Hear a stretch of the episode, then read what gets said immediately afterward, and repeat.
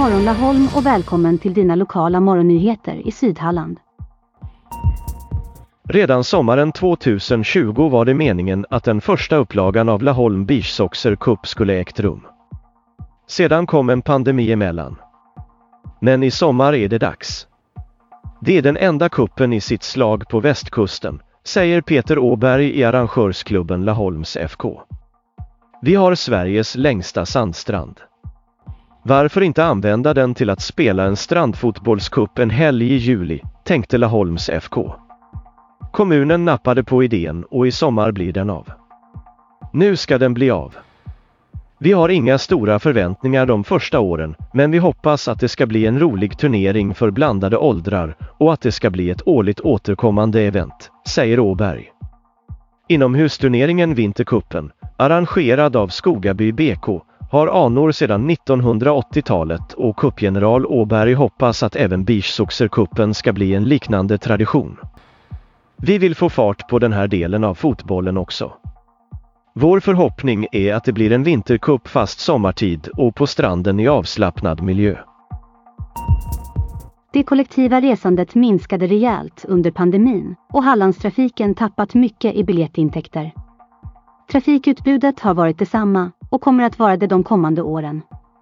När dessutom drivmedelskostnaderna ökat den senaste tiden kände Hallandstrafikens styrelse att de var tvungna att agera. Därför kommer priserna att justeras från den 13 juni i år. Den generella prisökningen ligger på 2,5 procent och Hallandstrafiken räknar med att det ska innebära ökade intäkter med 10,5 miljoner kronor per år. Det täcker bara delvis för förlusterna.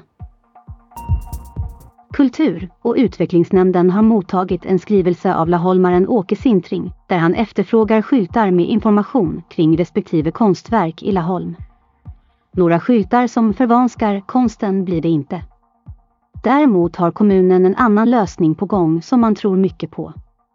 Kultur- och utvecklingsnämndens ordförande Ove Bengtsson.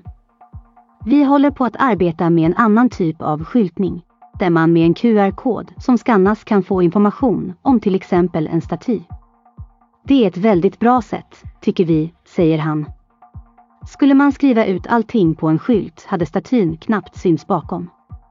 QR-koderna är på gång och redan nu kan man göra en egen konstspaning via telefonen. Man kan se vilket av alla konstverk man är närmast och gå en egen konstvandring i staden.